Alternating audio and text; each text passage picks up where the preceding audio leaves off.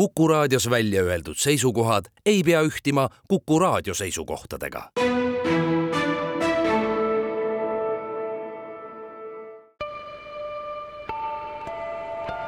ilmaparandaja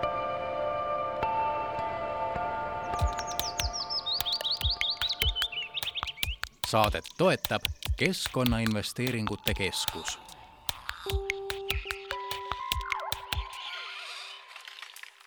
tere, head Kuku raadio kuulajad, kell on mõni minut kaks läbi, on laupäeva pärastlõuna ja algab ilmaparandaja saade, mina olen äh, saatejuht Mart Valner. tänases saates räägime noortest äh, loodus- ja keskkonnakaitsjatest, me räägime nendest noortest, kes teevad juba ilma ja mitte soojemaks, vaid meile kõigile mõnusamaks. saate teises osas äh, räägime just sel nädalal värskelt välja antud noore looduskaitsja auhinna laureaadiga, aga mul on hea meel, et meiega on ühinenud kliimanoor delegaat Anna-Tseliine Kraus, Anna, tere! Tere päevast! tervist! Äh, alustame siis äh, kõige loogilisemast küsimusest, mida see noor kliimadelegaat äh, tähendab, ehk siis millega tegeled?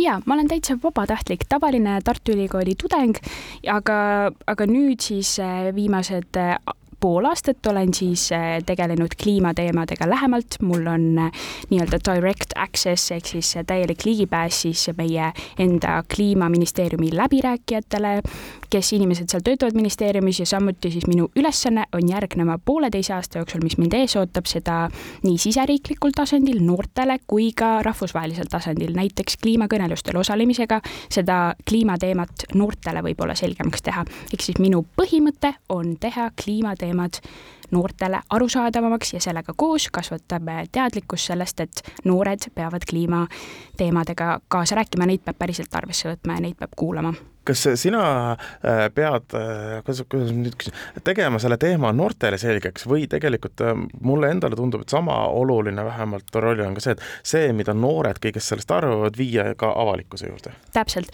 kuna ma olen ise noor, siis võib-olla lihtsam, minu ülesanne on, kuidas nagu noored seda näevad, et mul on võib-olla lihtsam seda nagu noortele maha müüa, ma olen nagu nendega nii-öelda võrdne, aga tegelikult ju ideaalis me oleme kõik siin võrdsed ja, ja ma olengi siis nii-öelda kliimaministeeriumis nimetatakse mind kliimasaadikuks, valikuks, aga mina olen kindlalt pannud reegli, et ma olen kliimadelegaat, sest ma pean olema võrdne teiste delegaatide, teiste inimestega, kes nendel samadel konverentsidel käivad. ma lihtsalt esindan noorte häält, mis ei ole üldsegi väike eh, osakaal Eesti rahvastikust. nii et eh, jah, ma teen nii mõlemat poolt ja see on hea küsimus, et kumba ma siis rohkem teen ja see on minu enda otsustada, nii et selles mõttes mul on vabad käed. väga hea, mul on äh, tunne, et neid delegaate oleks loomulikult oluliselt rohkem vaja, et jõuda kõikide nende osapoolteni. aga miks miks sa seda teed ja kuidas sa selleks said? no ma arvan, et see algas juba siis, kui ma sain aru, et mida rohkem sa vabatahtlikku tööd teed, seda kaugemale sa elus jõuad. ja see ei olnud üldse, mina olen praegu kakskümmend üks, see minu muudatus, vabatahtlik töö versus mitte vabatahtlik töö, nii-öelda palgatöö, ma ütlen ausalt, et praegu ma olen tõesti tudeng ja, ja ma arvan, et see vabatahtlik töö on mind just viinud näiteks ka selle erialani, mis mul praegu on meditsiin, ma kindlasti ei oleks seda avastanud endas, kui ma ei oleks teinud väga palju vabatahtlikku tööd seal sa pead ju endast rohkem andma, kui pigem võtma. ja mind päriselt huvitab see, ma arvan, et äh, see algas siis, kui ma avastasin enda jaoks toidukultuuri ja nüüd ma olen läbi toidu, läbi meditsiini jõudnud keskkonnani, päris pikk tee ja nüüd siis kliimani, sest meil on kliimaministeerium. aga hästi niisugune huvitav teekond ja kindlasti tahaks aina kõrgemale tõusta, aga kui sa peaksid mult praegu küsima, kelleks ma tulevikus saada tahan, ega ma päriselt täpselt ei tea ka. no meie endine kliimadelegaat äh, on praeguseks äh, Riigikogu liikmeks saanud, ehk siis Hanah Lahe kas see on see tuleviku väljavaade?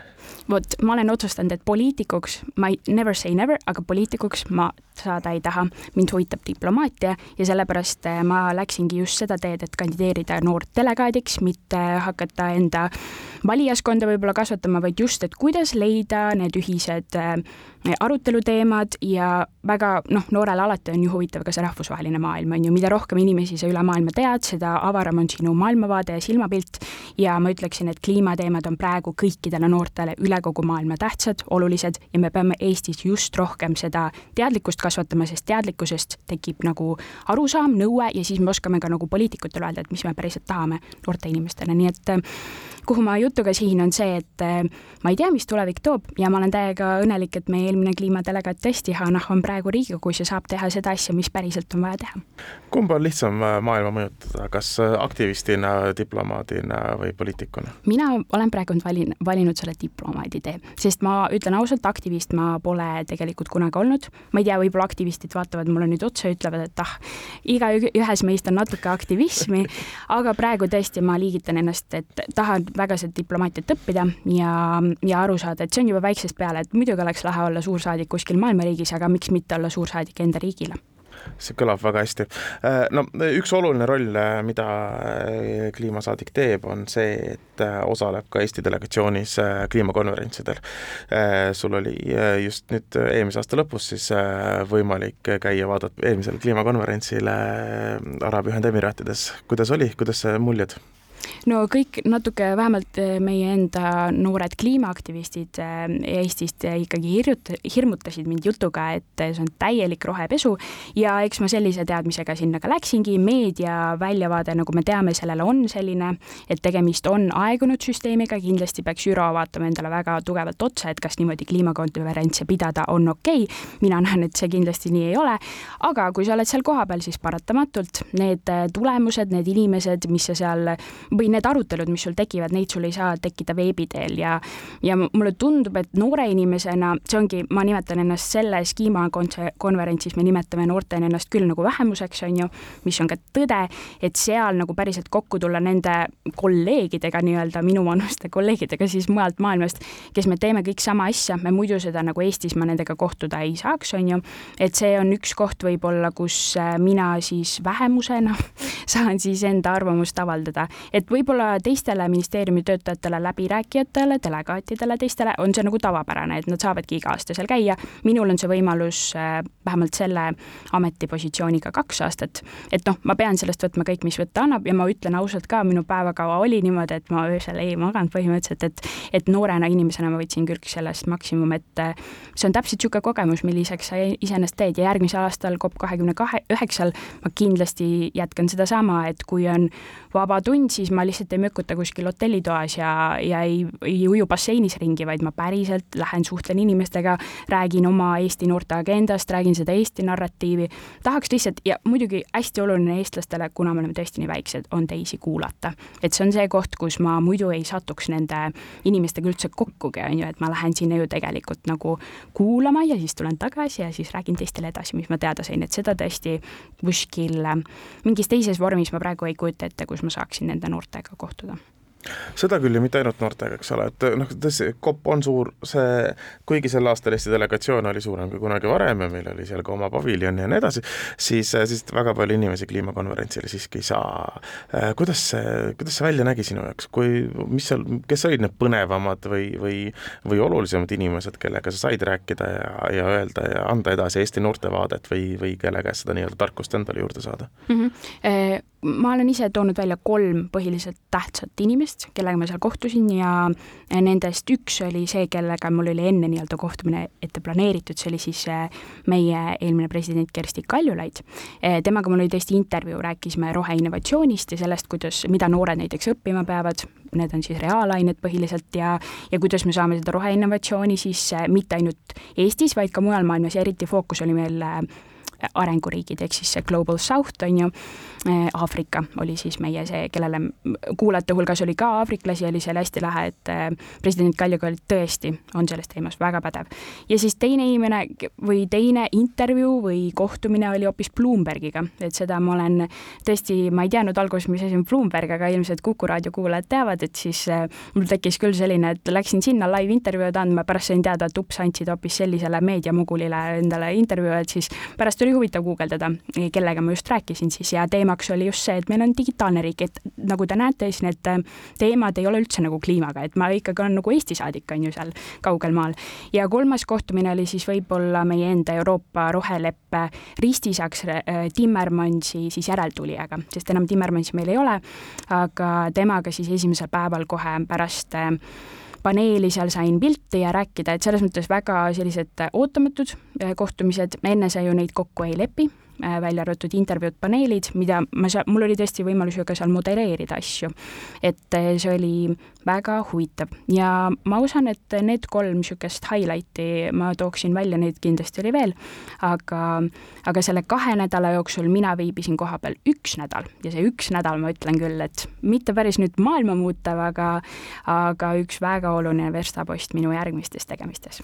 ma mäletan, kui ma rääkisin Keit Kasemetsaga, kui ta oli veel Dubais, äh, ütles, et äh, siin on üks väga hea eestlaste restoran, kas sa sinna ka jõudsid? noh, muidugi, sest, eh, sest seal käis põhiline töö, on ju, sest inimesed nagu päeval on ju, on need läbirääkimised ja niisugune nii-öelda ametlikum pool, aga no restoranis saavad pärast kokku ja noh, ma ei tea, kui oluline fakt see on, aga päriselt ka läbi selle restorani sõlmiti päris lahedaid sõprussidemeid, et ikka toit ühendab inimesi, mille üle mul toiduentusiastina on väga hea meel mm. -hmm. see on ikkagi see vana tõde, eks ole, et kõige olulisem osa konverentsist on äh, lõunapausid, kohvipausid no, ja need muud asjad, kus saab no äh, kliimakonverents on äh, kord aastas äh,, kliimadelegaadi töö käib ju tegelikult aasta ringi mis sa muul ajal aastast äh, teed, kas sa käidki mööda Eestit äh, koole, noortekeskusi kohtumas, ammutamas ideid noorte käest ja siis kõike seda teadmist neile edasi andma?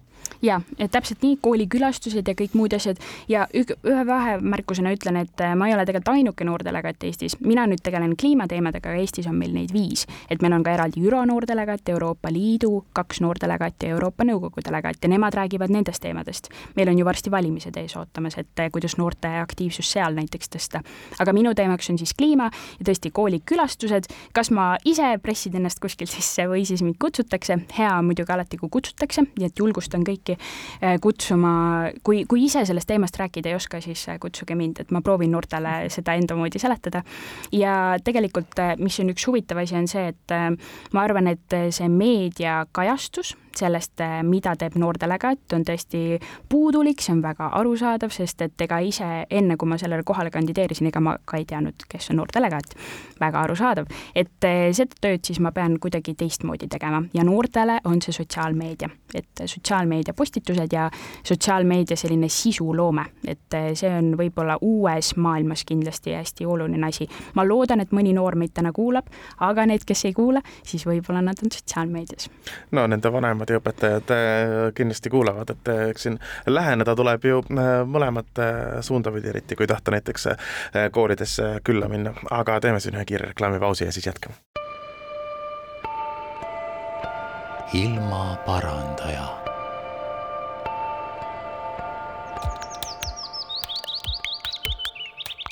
saadet toetab Keskkonnainvesteeringute Keskus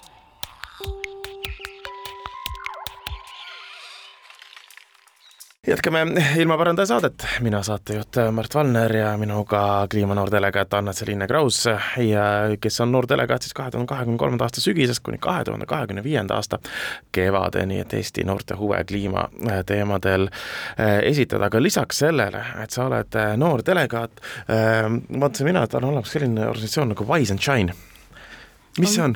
On küll, see on minu vana projekt, ma ei tea, kus sa selle üles leidsid, aga see tegeles, see oli Euroopa Solidaarsuskorpuse projekt ja Wise and Shine, nagu me teame, tõlkes tähendab nii-öelda teadlik ja särav või midagi sellist, elutark, et äh, väike siis äh, assotsiatsioon sõnadega Rise and Shine, et siis tõuseme kõik, et äh, võidelda plastklittri vastu ilmselgelt, et mikroplast on see, mille vastu me selle projektiga võitlesime. ja bioklitter, ma ei tea, kui palju sa sellest tead, aga seda kasutatakse meigis hästi palju ja see on tõesti inimestel nii-öelda käibekaup ja kuidas siis väikestest muutude, muutustest saavad suured muutused, et tegelesime noorte viie noorega siis sellise projektiga aga miks te enam ei tegele, sest et äh, olgem ausad, mikroplast on äh, endiselt probleem või mitte öelda, et endiselt probleem, vaid aina kasvav probleem, kuigi äh, kui ma ei eksi, siis äh, on lõpuks äh, tulemas ajad, et Eesti äh, reoveepuhastus äh, on äh, tekkimas mikroplastifiltrid, mida veel äh, mõned aastad tagasi ei olnud, see oli lihtsalt asi, mis noh, läks, läks Läänemerre ja siis sealt kaladesse, sealt meie kõhtu tagasi, nagu ikka äh,. teema on ikka üleval, miks te enam ei tegele? tegeleme ikka, aga nüüd me otsustasime, et me hakkame nüüd ettevõtjaks, et ettevõtjateks, nüüd me toome seda maale ja müüme inimestele mm, siis äh, mitte plastklitrit, vaid bioklitrit, mis on tehtud eukalüpti puutselluloosist. võib-olla mõni kuulaja mõtleb, et kas on siis parem variant kui see teine, meie vastus on tegelikult, et üldse peaks seda kõike vähendama, on ju. aga kahjuks inimesed tahavad särada, nii et see on see vastus. aga võib-olla lihtsalt see ka, et me oleme viis noort ja nagu te ise teate, mm, kes on noored olnud, et siis elu viib väga kummalisi radu pidi ja praegu on põhifookus ikkagi õppimisel see on väga hea. arstiteaduskond, nagu me teame, on äh, või nagu me teame, võib-olla vale sest et äh, meid on ka suhteliselt väheseid, äh, kes on arstiteaduskonnas käinud, mina üks nendest ei ole, aga nii palju, kui ma kuulnud olen, tegemist on ikkagi väga äh, raske ja väga pingelise õppesuunaga, mis on ka arusaadav, sest lõpptulemusena, kui me läheme arsti juurde või nii-öelda narkoosi alla pannakse, siis me tahame, et me tuleksime sealt ka sama, natuke tervemana välja äh,. kuidas on selle arstiteaduskonna õppe ühendamine tegelikult nii olulise rolliga, nagu on äh, kliimadelegaat, äh, kui lihtne, raske see on? üllatavalt kerge, aga kui sa ise seda äh, teed ei raja, siis see võib olla selline, et sa ise selle peale ei tulegi, et seal on mingeid ühenduspunkti. et arstidele õpetatakse keskkonnatervist ja esimene küsimus on muidugi, mis asi on keskkonnatervis, et kui ma küsin seda oma bioloogilt sõbralt, siis ta ütleb, et see on see, kui terve on keskkond. aga mina ütlen, et see on see, kui terve on inimene selles keskkonnas. et seda meile seal õpetatakse, aga see peaks, õpet me tahame alati ju paremaks teha ja niimoodi, et meie järgmine nii-öelda generatsioon Z arstid oleks kliimamuutusteks valmis. et see on minu esimene ühenduspunkt, ma sain aru, et keegi väga võib-olla võib-olla minu vanustest ka arstidest eh, on väga huvi, aga noh, meil ei õpetata seda, et see on see üks koht, kus ma tahtsin enda panuse anda. Ja samuti, kui sa mõtled kõikidele eelnevate asjad, mis ma olen teinud, on toit ja siis mikroplast ja kõik asjad, need viivad ikkagi inimese terviseni, et siis minu see esimene nii-öelda postul, kui ma peaks enda isiklikke postuleid panema, on inimese tervis, et tahaks ikka tervena pikalt õnnelikult elada. Ja kõik need faktorid, mis meid mõjutavad, alates sellest, et seesama kala kaudu jõuab meie kõhtu mikroplast, mis läbib platsentat, on ju, ja siis meil jõuab veel läbi keskkonna mingi õhusaaste, mis kindlasti kahjustab meie kopse, südant ja kõiki muid organeid, et äh, väga niisugune huvitav kombinatsioon, aga kui midagi selles vallas tulevikus ära teha, siis mina tahan olla see inimene nii et sa tahaksid ikkagi selliste äh, tulevikus äh, praktiliste lahendustega välja tulla, mitte lihtsalt äh, rääkida diplomaatiliselt äh, kliima kaitsmisest ja kõigest muust? no vot, vaatame, kuhu elu mind viib, mind huvitavad kõik asjad, eks ole, on ju, mõni aasta ma võib-olla ma mõtlen, ma ta-, ma ei taha olla poliitik, aga võib-olla ma mõtlen nelja aasta kaupa nagu poliitikud. Et neli aastat sinna, neli aastat tänna, aga päriselt kõik asjad on praegu laual avatud, ma arvan, et mul on see võimalus praegu kõiki neid asju proovida katsetada. Ja vaatame, mis must välja tuleb, egagi nagu perfektne võimalus oleks ju see, et ma saaksin kõikide asjadega tegeleda samal ajal. Ja siin tuleb võib-olla sinu esimese äh, küsimuse juurde tagasi tulles, kuidas on võimalik seda nii-öelda keerulist eriala ühendada oma eluga, ongi aja planeerimine mm. -hmm. see on äh, kindlasti üks, kui muud asjad ei lähe, siis sa võid hakata õpetama inimestele aja planeerimist, eks ole, et saaks, kuidas seda kõike teha saab. Äh, see kõlab väga hästi. Äh, noh, aja planeerimisega ehk siis aega on väga vähe ja väga kitsas on kõige suurema seadusloomeprotsessiga, mis me Eestis teinud oleme, ehk siis kliimaseadus, kõige põhjalikum, kõige kaasavam ja kõige kiirem seadus, mida me vastu võtame, kõik vali kaks kolmest. siis kui, palju kliimanoor delegaati kliimaseaduse loob seadusloome juurde kaasatakse? See on hea küsimus, taustinfoks nii palju, et Kliimaministeeriumi all on Noorte Keskkonnanõukogu, mille liige olen ka mina ja olen selle ne,, nemad on siis juhtrühmas, on ju.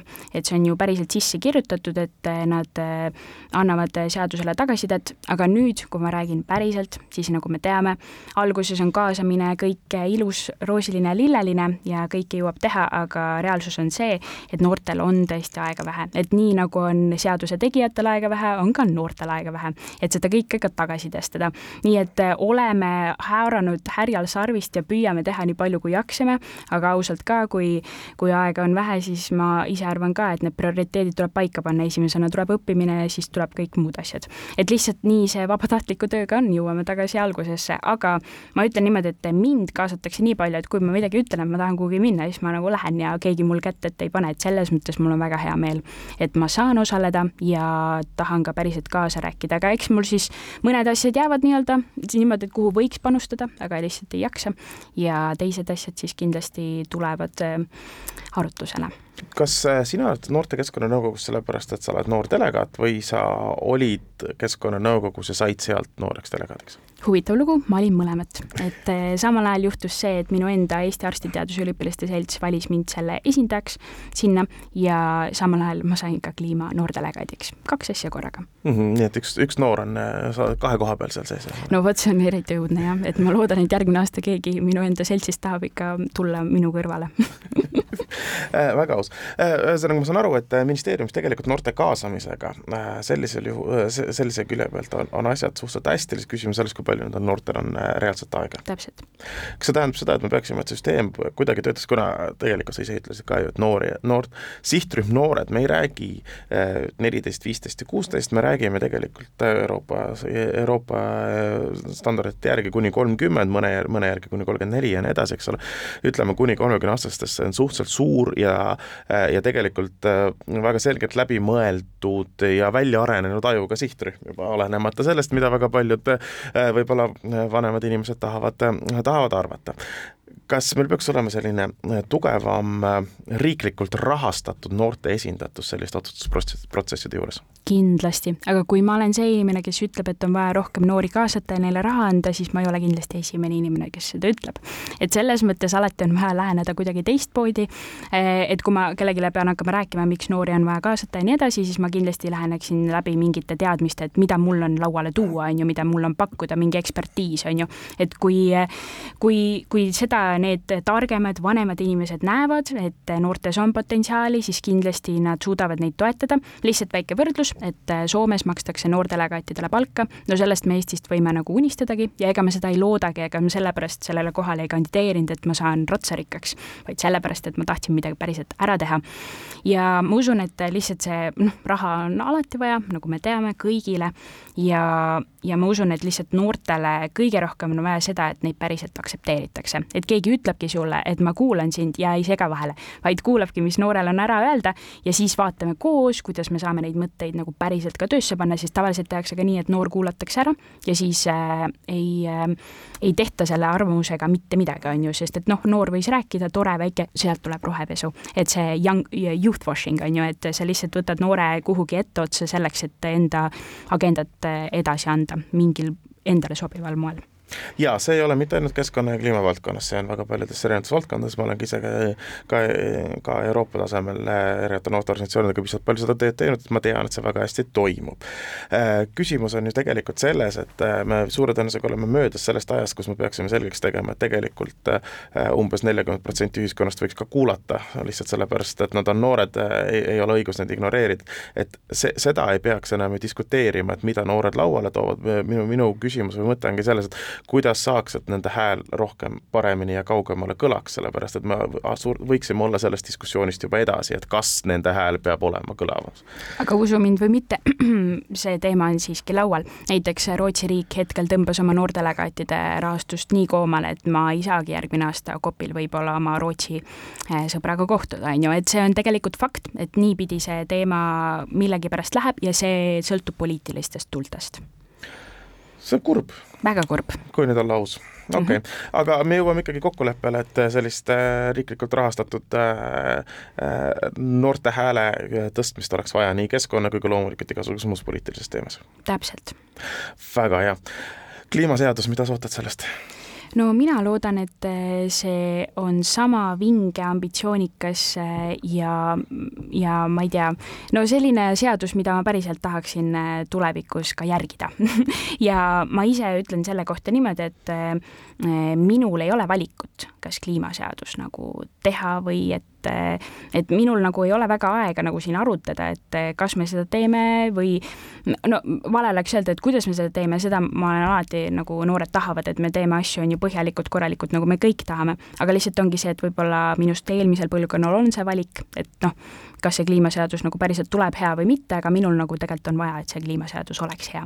kuhu ma oma jutuga tüürin, on see, et see on väga kiire, väga, ütleme ausalt, et mitte väga palju kaasav protsess, on ju, sest aega on vähe, aga tahaks, et see tuleks nii hea, et kui ma selle peale mõtlen, siis noh, ma loodan, et, et ma vaatan selle peale mitte häbiga, vaid nagu hea meelega, et jess, et kliimaseadus on mul olemas ja ma ei olegi tõesti nendest viimastest Euroopa riikidest, kellel seda üldse ei ole, on ju. ja muidugi üks asi, et ei tahaks teha ju seadusi ainult sellepärast, et oleks lihtsalt mingi kastike täidetud, vaid sellepärast, et eh, see annaks nagu meile mingi edasitükk, et kuidas me siis nagu edasi läheme. tundub väga niisugune mull jutt, aga lihtsalt ma loodan, et sellest ei tule mingi fopaa võib-olla see, et seda juba on, on, eh, tahaks, et inimesed saaksid päriselt aru, et minu põlvkonnal enam ei ole valikut, kas meil on kliimaseadust või mitte, minu, minu põlvkonnal peab see olema sellega ma olen nõus, aga missugune on siis see mitte fopaa kliimaseadus?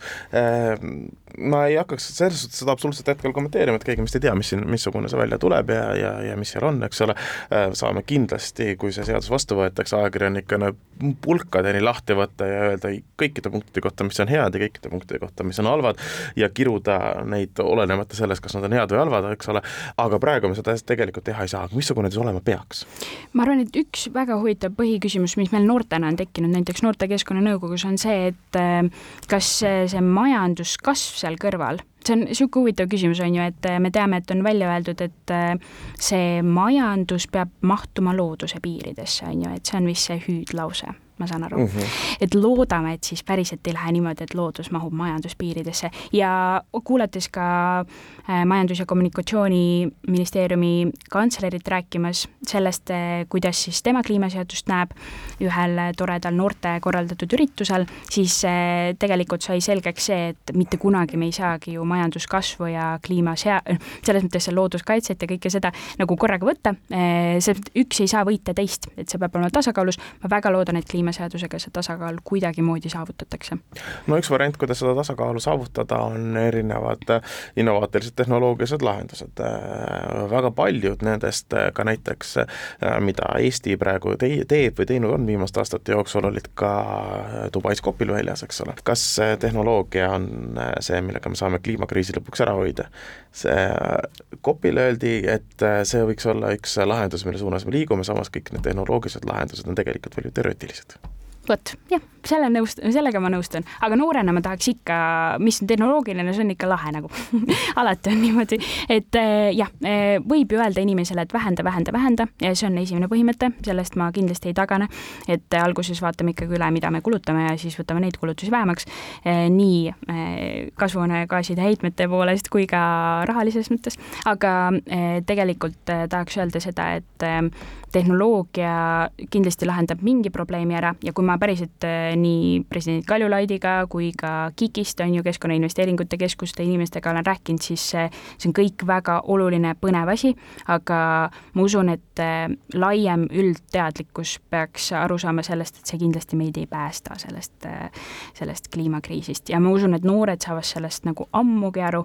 Äh,, lihtsalt asi on selles, et meie oleme võib-olla sellele poliitilise skeenele alles sisenemas või selles mõttes, et me ei ole saanud nii palju oma arvamust ju avaldada ka, kui me oleme sellel sajandil sündinud, me oleme kõik umbes siin praegu kahekümnendates, et see hakkab alles nagu tulema, et mis meie arvame, mis me võtame, võib-olla see võtabki ilusti kokku selle, et tahaks täiega neid roheinnovatsiooni eh, häid külgi avastada ja ma usun, et kliimaseadus ise ka ju ei taha teha asju nagu, nagu sa ütlesid, teoreetiliselt või et neil on vaja alati, eh, valitsusel ja üldse riigil on ju vaja mingit kindlustunnet, kui ta midagi seadusesse paneb, on ju. aga lihtsalt ma nagu tuletaks seda meelde, et noored ikkagi praegu vaatavad kõikidele nende otsuste tegijatele nagu alt üles, on ju, et nemad ju teevad meie eest need otsused ära ja meie saame seda tunda, ma ei tea, mitme, mitme aasta pärast, on ju. et ma praegu tahan väga, et needsamad otsustajad saaksid aru, et kui nad oma otsuseid teevad, no siis nad saavad aru, et ups, et kas see on nagu jätkusuutlik, et vähendamine, et oleks ikkagi esimene asi alles tuli uuring välja, et kui me kõikide Eesti büroohoonete tehnosüsteemid ära renoveeriksime, siis me hoiaksime kokku sama palju energiat, kui me kõik tuulepargid praegu aastaga äh, näiteks toodavad. sellest ka minu küsimus, kas äh, kliimateema peaks olema üleüldse poliitiline otsus või me peaksime olema sealt juba edasi liikunud? ei tohi olla kliimateema poliitiline otsus, kindlasti mitte. Anna-Selina Kraus, aitäh täna tulemast! aitäh! ilmaparandaja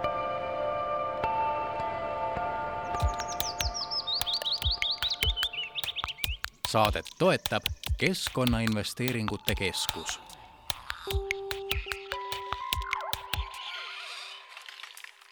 jätkame ilmaparandaja saadet. esimesel ja teisel veebruaril toimus äh, Tallinnas äh, konverents Meri ja soo, äh, kus teadlased otsisid vastust, kuidas käib meie mere ja soode käsi.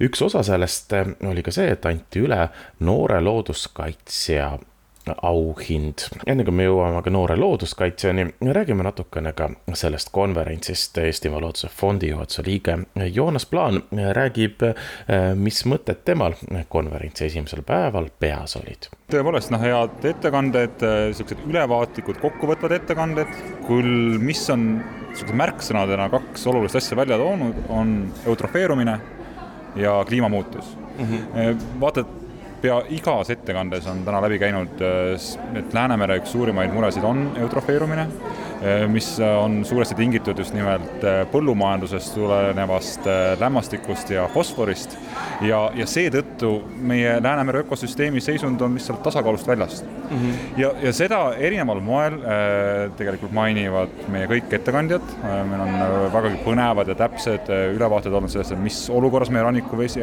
meri on mis selle eutrofeerumist põhjustab ja kuidas me saaksime ka seda äh, kuidagimoodi parandada mm. -hmm. see on kindlasti, ma arvan, noh, äärmiselt oluline, eriti just neile, kes võib-olla ei ole väga kursis, mis olukorras Läänemeri on ja kuidas see siis äh, võiks paremaks see olukord muutuda mm. -hmm. ja teine asi, mis täpselt samamoodi pea igast ettekannest käib läbi, on kliimamuutused. ja kliimamuutused küll just, just sellest vaates, et me räägime ikkagi probleemist, mis ühelt poolt on täna juba siinsamas kohal Äh, ta selgelt äh, juba selle mõju on, on näha kaugele, aga samal ajal me veel väga hästi ei tea, kui suured ja millised täpselt saaksid need mõjud olema Läänemerele mm. -hmm. no näiteks on, on välja toodud küll seda, et ta mõjutab seda, mismoodi kalad kudealadele pääsevad, äh, eriti just siis kevadiste suurvete ajal, suurvett on lihtsalt liiga vähe või siis see, see lihtsalt äh, lumi sulab liiga kiiresti ära, kuna lund on jällegi omakorda mm -hmm. vähem mm. -hmm. aga tegelikult täpselt samamoodi nagu see suurem energia, mis siis kliimamuutuse tõttu on Läänemerre talletunud, seetõttu on ka meil kevaded palju tormisemad ja, ja seetõttu siis osad kalad, kes siis kudevad kevadeti, ka nende siis mari saab seeläbi kahjustatud. niisiis, meil on niisugune kaks kaks vägagi suurt äh, ja riukalikku probleemi, mis, mis seda Läänemerd mõjutavad, kliimamuutused, eutrofeerumine. Äh, kui kliimamuutuste puhul me veel äh, nii-öelda nendest, kuidas sellest üle saada, me kuulemegi siin päeva teises pooles, kus meil räägitakse mereala planeeringutest, kus me räägitakse siis ka äh, tuuleenergia arendamisest, mis on kindlasti üks mm -hmm. väga oluline äh, roll selles, et me teeksime nii-öelda selle energiapöörde, liiguksime äh, süsinikurikast äh, energia tootmisest äh, nii-öelda taastuvenergia tootmisesse, siis eutrofeerumisest äh, me oleme märksa rohkem kuulnud ja minu õnneks pigem võiks öelda isegi niisugune mõõdukalt positiivsel toonil mm. -hmm. et äh, siin Urmas äh, Lips, kes siis pidas ettekande just nimelt eutrofeerumise kohta äh,, kasvatab küsida, et kuidas tema enesetunne on. niisugused sotsiaalteaduslikud äh, uuringud äh, kliimateadlaste kohta näitavad seda, et kliimateadlaste seas on väga palju niisugust ärevust, depressiooni, äh, käega löömist, sest olles selle teaduse sees, nähes, et kuidas siis kliimamuutused tegelikult toimivad, äh, kuidas siis poliitilised otsused ei jõua järgi sellele, kuidas siis meie keskkond on muutumas. Need kliimateadlased on väga murelikud mm, -hmm. nad mhm. muretsevad oma laste pärast, nad muretsevad oma laiemalt tulevaste generatsioonide pärast, keskkonna pärast ja, ja, ja, ja Urmas Lipsi kuulates ma nagu kogu aeg mõtlesin, et tahaks talt küsida, et kuidas nagu tema kui teadlane, kes on läbi oma karjääri olnud, uurinud eutrofeerumist ja Läänemerd, et, et missugune siis see tema niisugune meelsus on ja, ja tegelikult äh, selle tema ettekande lõpuks äh, ma sain selle vastuse, pigem on tunda niisugust optimismi mm. -hmm. ja see optimism äh, peegeldab seda, et kui meie inimestena tavainimestena, aga ka ennekõike, kui meie otsustajad teevad tegelikult vajalikke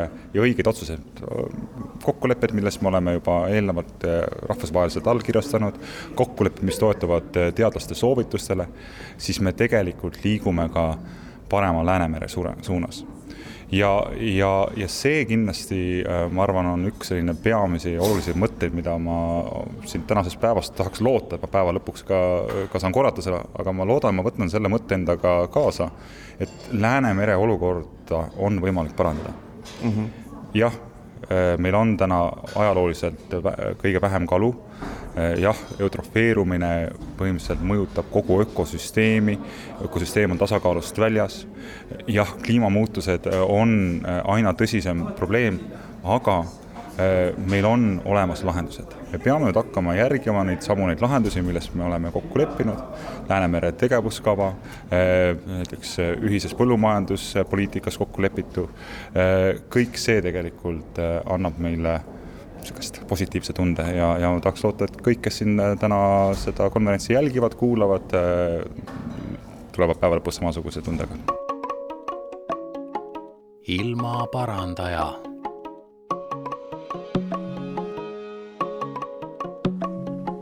Läheme siis nüüd selle noore looduskaitse auhinna juurde. Eestimaa Looduse Fondi poolt välja antava noore looduskaitse kahe tuhande kahekümne kolmanda aasta auhinna pälvis lendoravate ekspert Liisa Rennel käisin ja uurisin Liisa käest seda, mille pärast tema hakkas üleüldse lendoravaid uurima. lendoravate uurimisega alustasin juba gümnaasiumi ajal. edasi liikusin mõneks ajaks Loodusuurijate Seltsi ja siis juba Keskkonnaametisse siis äh, nii looduskaitse bioloogina töötasin kui ka liigikaitse peaspetsialistina mhm. ja praegu töötan siis Lendorava Life'i projektis, mis on meil Eesti-Soome koostööprojekt ja, ja töötan ka Lendorava eksperdina. miks lendoravad miks lendoravad, et äh, äh, väga võluv äh, metsaliik, kellel on hästi omapärane bioloogia, et äh, Nad on väikesed loomad, aga nende kodupiirkonnad on äh, suured. Neile esineb segapaarumist, nad ei ole kindlate partneritega, ühes pesakonnas sündinud järglastel võivad olla isegi erinevad isad. Äh, emasloomad on neil territoriaalsed ja hoiavad siis äh, oma seda nii-öelda kodupiirkonda ja teist emaslooma siis enda kõrvale ei taha mm. -hmm et äh, hästi põnev liik, äh, kellega tegeleda. kõlab hästi huvitavalt, äh, noh, ma kujutan ette, see, see, see nõudis ju sa, sa ei hakanud lendoravaid uurima, teades juba seda kõike nende kohta. ma mõtlen, et kust see algus tuli või eh, noh, lendoravatest me oleme Eesti meedias väga palju rääkinud, me oleme Eesti avalikkuses väga palju rääkinud. Eh, reeglina me räägime negatiivse pildi pealt, mitte sellepärast, lendoravad ise on negatiivsed, vaid nende olukord Eestis on suhteliselt mm -hmm. negatiivne, eks ole. kas see, foon on see, mille pärast üldse hakata lendoravat uurima algselt või, või kuidas see, kuidas see algus oli, kas sa ise mäletad? kuidas ma lendoravate juurde jõudsin? et äh, lendoravate juurde jõudsin tänu Uudo Timmile, et, äh, et mu ema töötab Keskkonnaametis metsaspetsialistina ja ilmselt oli kõne all mingisugune raieteatis kuskil lendorava elupaiga sees või lähedal ja ema otsustas mind kaasa võtta ja sealt, sealt see siis esimene uurimistöö välja hakkas kooruma mm -hmm.. okei okay., palju meil üldse on Eesti lendorauurijaid, sest et see, ma ütleks, mulle tundub, et see liik, millest on väga palju räägitud, aga, aga kui ma mäletan, mõni aasta tagasi tahtsin nagu lähemalt rääkida, siis tegelikult ega neid väga palju inimesi polnud äh, jah, selliseid, kes, kes aktiivselt ja igapäevaselt tegeleksid, neid on ikkagi väga vähe. et mm -hmm. võib siin piirduda ühe käe sõrmedel mm. -hmm küll aga on tore see, et äh, mida aasta edasi, seda rohkem on meil, meil kaasaelajaid ja kaasapanustajaid ja ja ma ütlen, et see fänn, fänn, fännklaab aina kasvab, et tegelikult on hästi tore, et et meil on fotograafe, meil on kirjanikke, kes käivad äh, metsas, tunnevad huvi ja kõikvõimalikke vabatahtlikke panustajaid, kes siis inventuuridel või, või pesakastide ehitamisel või kus tahes siis kaasa löövad mm. -hmm. kui suur on üldse võimalus või tõenäosus, et kui mina nüüd metsa lähen, äh, kas siin Tallinna lähedal või ka noh, ida poole liikudes, et ma näen päriselt reaalselt ka ise mõnda lendoravat? no peaaegu et nullilähedane, aga selliseid õnne, õnnelikke on, aga aga kui mõne uurijaga minna, siis on natukene suurem see tõenäosus, et, et mingeid lendoravaid me ikkagi kaamerate abil jälgime, et mm. -hmm kui hull siis seis on lendoravatega Eestis praegu, et äh, noh, me oleme rääkinud, see mõned aastad tagasi oli suuresti see Päästa lendoravat kampaania, et see, see praeguseks ma ütleks viis-kuus, midagi sellist, kui ma ise nüüd hakkan mälu järgi ütlema. siis see teema on nagu vahepeal natukene ära vaibunud, aga, aga kuidas siis asurkonna seis on Eestis hetkel?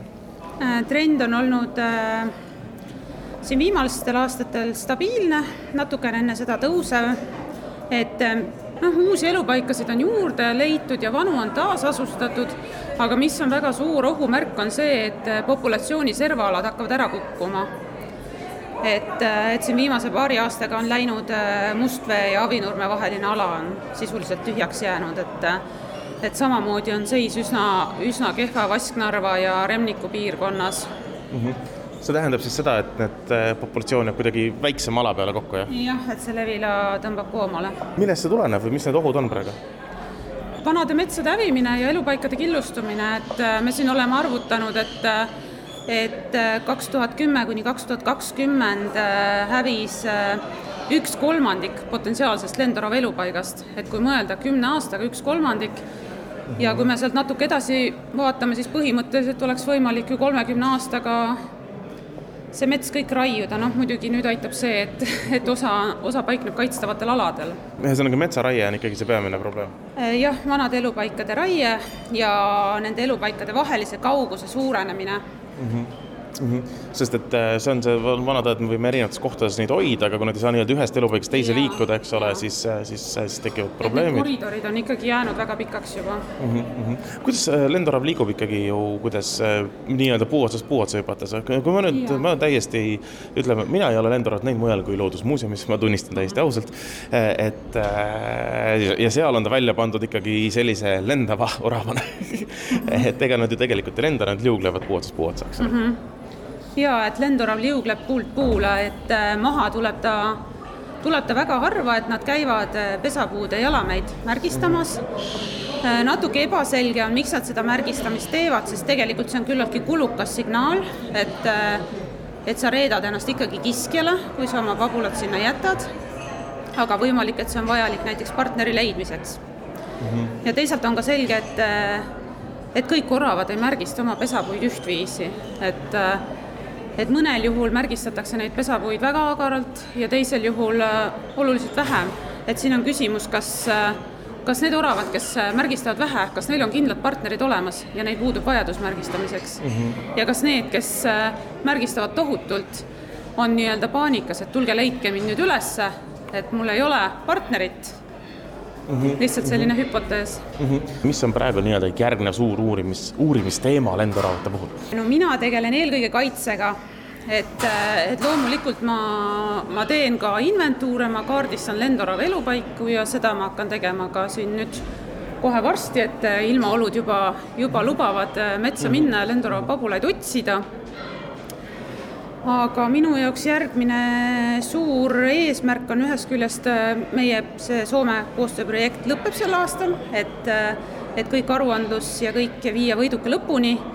Ja teisalt, et äh, kuna Eestimaa Looduse Fond on teinud Alutaguse rahvuspargi laiendamise ettepaneku ja see on ka hästi tihedalt lendoravaga seotud, et siis siis on oluline ka sinna maksimaalselt panustada mm. -hmm. et äh, lenduraat peetakse Alutaguse vapiloomaks nii-öelda, aga kui hakata vaatama praegust rahvusparki, siis sinna jääb ainult üksikud lendorava elupaigad, et tegelikult äh, vana boreaalse metsa esindatus on, on seal soode põhjal rajatud rahvuspargis sisuliselt olematu ja seda see ettepanek justkui natukene tasandab ja mm -hmm. samamoodi seob need kaitsealad omavahel, et äh, mis on ka Lendorava jaoks hästi oluline, et, äh, et metsa pesametsad saaksid äh, sidusaks mm. -hmm. no eelmine aasta avati, kui ma ei eksi, siis Lendorava õpperada ka, eks ole, et äh, kas see on, see on üks koht, kuhu minna ja kas siis on suurem tõenäosus Lendoravaga kokku põrgata ei, tõenäosus kokku põrgata suurem ei ole, aga aga huvi korral tasub seda ikkagi külastada, et see on see on natuke laiem, et see keskendub kogu sellele vanametsa ökosüsteemile, mitte ainult lendoravale, et, et saada sealt tunnetust, kuidas see vanametsa ökosüsteem toimib, milline on tema elu, elutsükkel, milline on puude eluring, et, et just sellist metsa ökosüsteemi tunnetust, et mida, mida tänapäeval jääb natuke võib-olla vajaka mm. -hmm. et äh, mets iseenesest ei ole istutatud puud lihtsalt, on siis see oluline? absoluutselt, et äh, mets koosneb väga paljudest liikidest, kes kõik on omavahel äh, seotud. et ühe liigi kadumine võib viia järgmiste liikide kadumiseni ja nii edasi arusaadav. Liisa, aitäh sulle äh, ja edu selles edasises lenduravate kaitsmises siis. ma loodan, et äh, töö läheb efektiivselt, varsti räägime jälle veel suuremalt ja suuremast asurkonnast aitäh! ilmaparandaja selline oligi selle nädala ilmaparandaja saade. loodan, et teil sedasama põnev kuulata, kui minul seda teha ja kokku panna. ilmaparandaja ise on jälle eetris natuke vähem kui nädala aja pärast, aga ärge selle nädala jooksul ka unustage siis enda ümber ringi vaadata, et leida viise, kuidas ilma parandada. saatejuht oli täna Mart Valner. ilmaparandaja